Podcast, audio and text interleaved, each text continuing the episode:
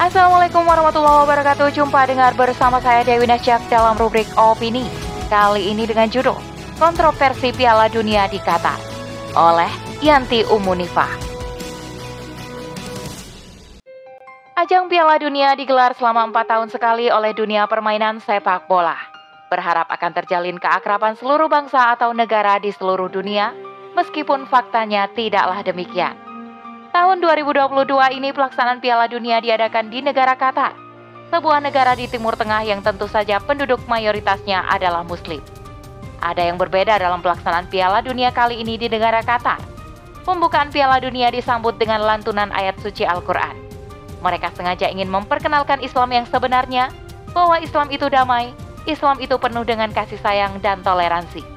Islam itu tidak seperti apa yang diberitakan dunia barat negara Qatar pun menerapkan peraturan yang tegas untuk para pemain, para tamu dari seluruh dunia maupun untuk para penonton atau fans klub masing-masing dari pesepak bola.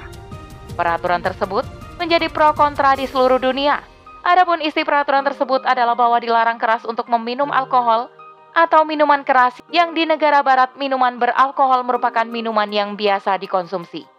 Banyak di antara mereka yang mengecam larangan peraturan meminum minuman beralkohol tersebut tetapi banyak juga yang bisa menerima. Peraturan kedua, yang menjadi pro kontra adalah bahwa semua hotel di negara Qatar hanya menerima tamu untuk keluarga saja. Mereka sengaja menerapkan peraturan tersebut untuk menghindari adanya perzinaan di negara tersebut. Peraturan yang kedua ini pun dikritik keras oleh negara barat, khususnya negara Amerika Serikat. Peraturan ketiga, yang benar-benar dikritik habis oleh negara barat, adalah adanya penolakan untuk kaum LGBT negara Qatar melarang keras bahkan mengharamkan kaum LGBT untuk masuk negara mereka.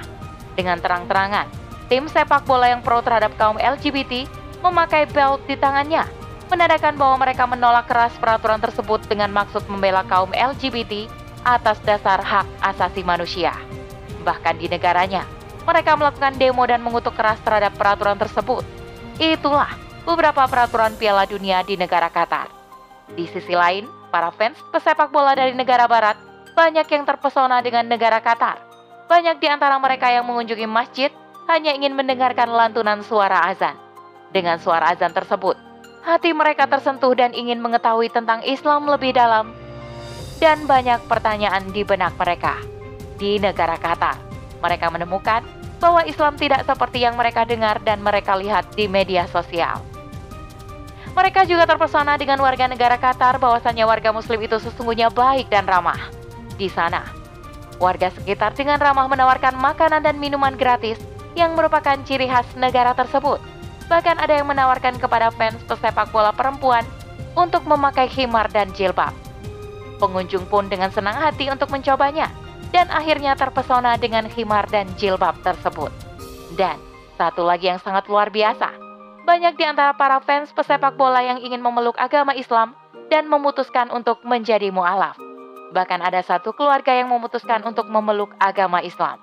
Yang menjadi perhatian banyak orang adalah adanya pengibaran bendera Palestina di tengah berlangsungnya pertandingan tersebut. Ketika negara Maroko bertanding dan memenangkan pertandingan, bendera Palestina lah yang mereka kibarkan. Mereka menuntut untuk membebaskan negara Palestina dari penjajahan Israel. Mereka menyanyikan lagu yang berisi agar Palestina segera dibebaskan dan memberi semangat kepada warga Palestina untuk tetap bertahan dan sabar. Di luar gedung pertandingan, seorang wartawan dari Israel ingin mewawancarai orang-orang tersebut, tetapi yang terjadi adalah banyak menolak untuk diwawancarai. Alasannya, karena mereka membenci negara Israel dan bagi mereka negara Israel itu tidak ada. Yang ada hanya negara Palestina yang sedang dijajah oleh Israel. Bahkan, ada yang sampai memaki wartawan Israel. Jika kita telah secara bijaksana bahwa negara Qatar sebenarnya menjadikan ajang Piala Dunia itu sebagai sebuah kesempatan untuk mereka perkenalkan atau berdakwah kepada dunia luar bahwa Islam itu sebenarnya tidak seperti yang dunia barat gembar-gemborkan. Bahwa isunya Islam itu radikal dan akhirnya banyak Islamofobia. Di sini, Qatar mendakwahkan bahwa Islam itu cinta damai, Islam itu tidak memaksa dan Islam itu penuh dengan toleransi. Islam punya aturan yang harus diamalkan dan itu berasal dari Sang Pencipta Allah Subhanahu wa taala. Meskipun negara barat menentang aturan dengan mengatasnamakan HAM, tetapi mereka dengan tegas menolak kritikan tersebut.